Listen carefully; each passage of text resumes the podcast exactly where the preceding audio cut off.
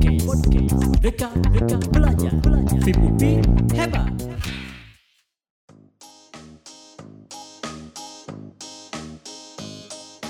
Assalamualaikum warahmatullahi wabarakatuh. Selamat berjumpa teman-teman mahasiswa di mana pun kalian berada. Semoga semuanya dalam keadaan yang sehat ya. Kali ini kita bertemu dalam program Podcast Merdeka Belajar Fakultas Ilmu Pendidikan Dan kesempatan kali ini kita akan membahas tentang sebuah topik yang dapat dikatakan serius tapi juga menarik Yakni mengenai konsep dasar bimbingan dan konseling peserta didik telah hadir narasumber kita yakni Ibu Dr. Ipah Saripah MPD atau yang lebih akrab dipanggil dengan sebutan Bunda Ipah. Beliau adalah dosen di Prodi Bimbingan dan Konseling Departemen Psikologi Pendidikan dan Bimbingan, Fakultas Ilmu Pendidikan. Langsung saja kita sapa beliau. Assalamualaikum warahmatullahi wabarakatuh. Apa kabar Bunda? Waalaikumsalam warahmatullahi wabarakatuh. Alhamdulillah baik. Terima kasih Nabila. Mudah-mudahan teman-teman yang menyimak ini di rumah juga dalam kondisi sehat semuanya. Amin. Iya bun, bunda langsung aja ya. Kita kan akan membahas tentang topik yang ngeri-ngeri sedap nih, yakni mengenai konsep dasar bimbingan dan konseling peserta didik.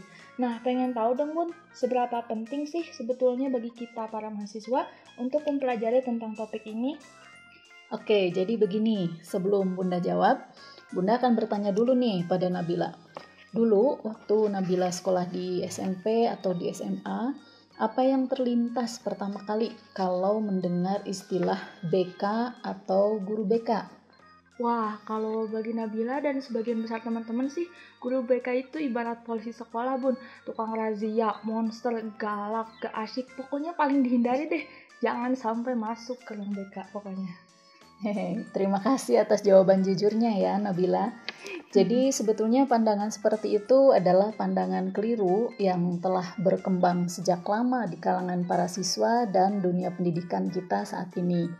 Nah, dengan mempelajari konsep dasar bimbingan dan konseling peserta didik kali ini, diharapkan teman-teman akan mendapatkan pemahaman yang tepat mengenai apa hakikat BK itu sesungguhnya, tujuan, fungsi, asas, dan juga prinsip-prinsipnya. Sehingga pada gilirannya dapat meminimalisir pandangan yang keliru mengenai BK. Dan bahkan yang lebih jauhnya lagi, nanti teman-teman mahasiswa ini dapat berperan sebagai pembimbing yang baik pada saat menjadi guru. Tapi kami-kami ini kan bukan guru BK, Bun. Betul, memang Nabila dan teman-teman yang lain itu bukan guru BK dan juga tidak diarahkan untuk menjadi guru BK. Tapi perlu diingat bahwa tugas dan juga peran guru itu bukan hanya sekedar mengajar, melainkan juga ada membimbing di dalamnya. Nah, itu yang mendasari urgensi para mahasiswa untuk memahami topik mengenai BK ini. Oh iya iya, kalau begitu memang penting sekali ya mempelajari tentang konsep BK ini. Pertanyaan selanjutnya nih Bun, sebetulnya seberapa penting sih kedudukan BK itu dalam pendidikan? Apa nggak bisa gitu ya kalau kita di sekolah gak ada BK-nya? Wah, tampaknya pertanyaan ini mewakili suara hati teman-teman Nabila juga ya.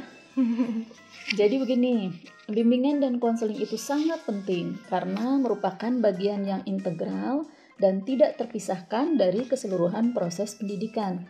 Artinya, bimbingan dan konseling sama pentingnya dengan kepemimpinan, administrasi, supervisi, dan juga proses instruksional atau pembelajaran di sekolah. Oh begitu ya, ternyata penting sekali kedudukan BK dalam proses pendidikan. Nah kalau begitu sebetulnya pengertian BK itu sendiri apa sih Bun?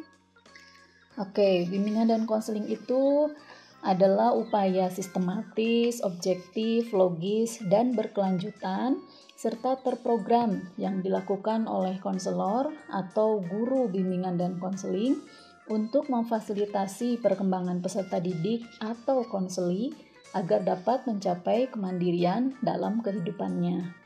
Mantap, dan dalam sekali maknanya Bun. Kita lanjutkan ya Bun. Tadi Bunda mengatakan bahwa selain hakikat atau pengertian BK, juga memiliki tujuan. Boleh disampaikan dong Bun, apa saja yang menjadi tujuan BK itu? Ya, sebetulnya secara tersurat, tujuan itu juga tadi sudah muncul dalam pengertian ya, Nabila. Yang lebih lengkapnya, tujuan BK itu adalah untuk membantu peserta didik atau konseli agar dapat mencapai kematangan dan juga kemandirian dalam kehidupannya. serta menjalankan tugas-tugas perkembangannya yang mencakup aspek pribadi, sosial, belajar, karir secara utuh dan optimal. Jadi tujuan akhirnya kemandirian dan perkembangan siswa yang optimal ternyata ya bun. Wah lagi-lagi ini hal yang penting nih menurut saya. Betul sekali Nabila. Dan tujuan BK tersebut sejalan dengan tujuan akhir pendidikan nasional itu sendiri. Bun, mohon maaf nih. Tujuan akhir itu kan sepertinya bersifat umum dan jangka panjang ya. Ada nggak dalam BK itu tujuan yang bersifat khususnya? Oh iya, tentu ada Nabila. Jadi secara khusus tujuan BK itu adalah untuk membantu peserta didik agar mereka mampu yang pertama memahami dan menerima diri dan lingkungannya. Yang kedua, merencanakan kegiatan penyelesaian studi, perkembangan karir, dan kehidupannya di masa yang akan datang. Yang ketiga, mengembangkan potensinya seoptimal mungkin. Keempat, menyesuaikan diri dengan lingkungannya. Yang kelima, mengatasi hambatan atau kesulitan yang dihadapi dalam kehidupannya.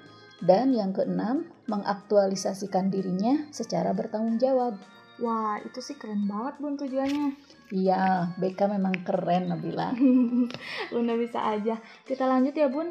Kalau fungsi BK itu untuk apa bun? Kalau dulu di sekolah kan siswanya taunya fungsi BK itu ya polisi sekolah itu. He, itu tidak termasuk fungsi ya.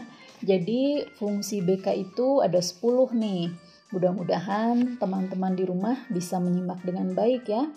Yang pertama ada fungsi pemahaman, kemudian yang kedua ada fungsi pencegahan atau preventif.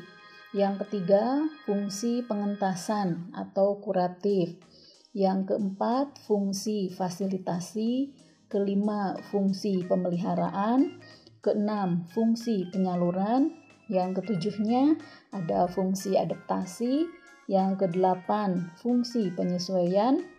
Sembilan, fungsi pengembangan. Dan yang kesepuluh ada fungsi advokasi. Nah, pada kesempatan kali ini, Bunda tidak akan menjelaskan pengertiannya satu persatu ya. Jadi, silahkan teman-teman di rumah mempelajari lebih dalam dari buku sumber. Wah, ternyata lengkap sekali ya bun fungsi BK itu.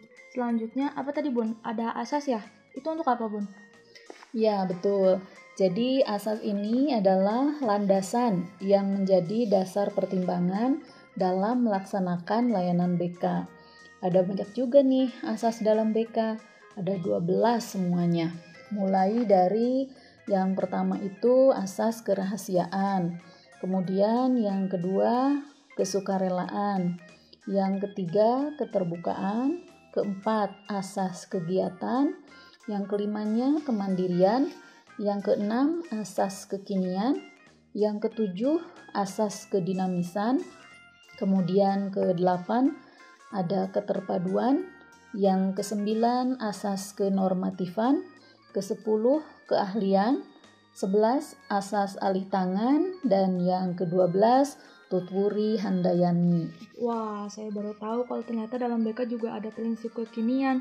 Berarti relevan banget dong ya Bun dengan situasi dan kondisi saat ini. Betul sekali Nabila. Terakhir nih Bun, dalam BK juga ada sejumlah prinsip. Ini apa bedanya dengan asas yang tadi Bun? Terus apa aja prinsip-prinsip BK itu? Ya, jadi selain asas, dalam penyelenggaraan layanannya, BK juga berpegang pada prinsip dasar atau fondasi ya.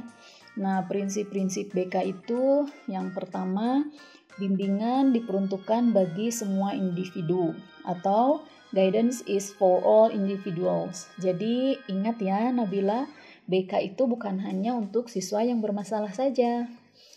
Yang kedua, bimbingan bersifat individuasi.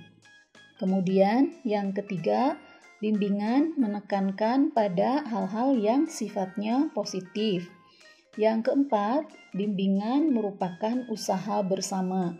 Kemudian yang kelima, pengambilan keputusan merupakan hal yang sangat esensial dalam proses bimbingan. Dan yang keenam, bimbingan berlangsung dalam berbagai setting atau berbagai adegan kehidupan. Seperti itu, Nabila. Wah bun, menarik semua nih pembahasan yang udah bunda sampaikan. Saya dan teman-teman insya Allah jadi lebih paham tentang konsep dasar BK peserta didik ini. Karena waktu kita sangat terbatas, kalau misalnya ada teman-teman yang ingin memahami lebih lanjut mengenai topik ini bagaimana bun? Baik, teman-teman yang ingin mengetahui lebih lanjut tentang topik ini, silahkan dapat mengunjungi channel YouTube Fakultas Ilmu Pendidikan. Jangan lupa sekaligus like dan subscribe juga ya. Mantap, ternyata Bunda memang betul-betul dosen kekinian ya. Baik, terima kasih sekali Bun. Teman-teman, sampai berjumpa lagi pada program podcast Merdeka Belajar Fakultas Ilmu Pendidikan selanjutnya. Saya Nabila, pamit undur diri. Wassalamualaikum warahmatullahi wabarakatuh.